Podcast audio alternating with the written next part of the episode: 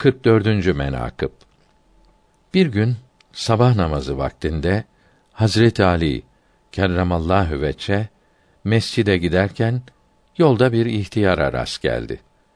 İhtiyarın aksakalına hürmet edip önüne geçmeyip aheste aheste ardınca giderdi. Mescit kapısına vardıkta ihtiyar içeri girmeyip gitti. Hazret Ali radıyallahu teala anh anladı ki Hristiyan imiş. Mescitte Resulullah sallallahu teala aleyhi ve sellem hazretlerini rükûda buldu. Güneşin doğma zamanı yaklaşmış idi. Cemaate uyup namazı kıldılar. Namazdan sonra sahabe-i kiram Rıdvanullahi Teala aleyhim ecmaîn hazretleri Resulullah sallallahu teala aleyhi ve sellem hazretlerinden sordular ki: Ya Resulallah, birinci rükûda adet-i şerifinizden ziyade durdunuz. O kadar ki güneşin doğması yaklaştı. Lütfedip sebebini beyan ediniz.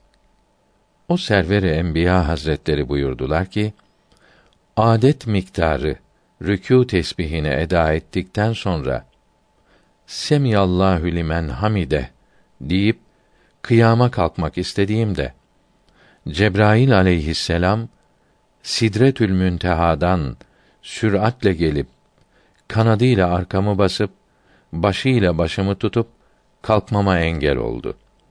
Bundan başka hikmetinin ne olduğunu ben de bilmiyorum buyurdular.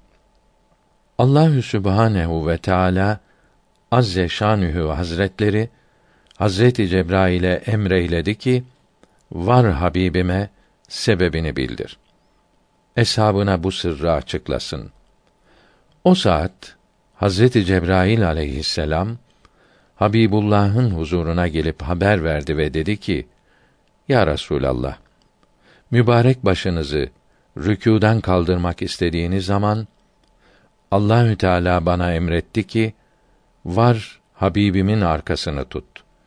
Rükûdan kalkmasın ki benim kulum Ali yolda bir aksakallı ihtiyarın sakalına hürmet edip aheste yürümekle cemaat sevabından mahrum kalıyor. Kalmasın. Habibime erişsin. İftitah tekbirinin sevabına nail olsun. Ben de geldim, sultanımı rükûda tuttum ve Ali geldi. Hak Sübhanehu ve Teala Hazretleri beni sizi rükûda tutmaya gönderdiği zaman kardeşim İsrafil'i de güneşi tutmaya gönderdi ki çabuk doğmasın ve Hazret Ali size erişinceye kadar eylesin. İşte hikmeti budur. Sonra Resulullah sallallahu teala aleyhi ve sellem hazretleri bu haberi eshab-ı kiram hazretlerine nakl buyurdular. Hepsi vakıf oldular ki Hazret Ali'nin radıyallahu teala an Rabbil alemin dergahında hürmeti ve izzeti ne mertebeymiş ve yaşlılara hürmet etmek faziletine de bundan hissedar oldular.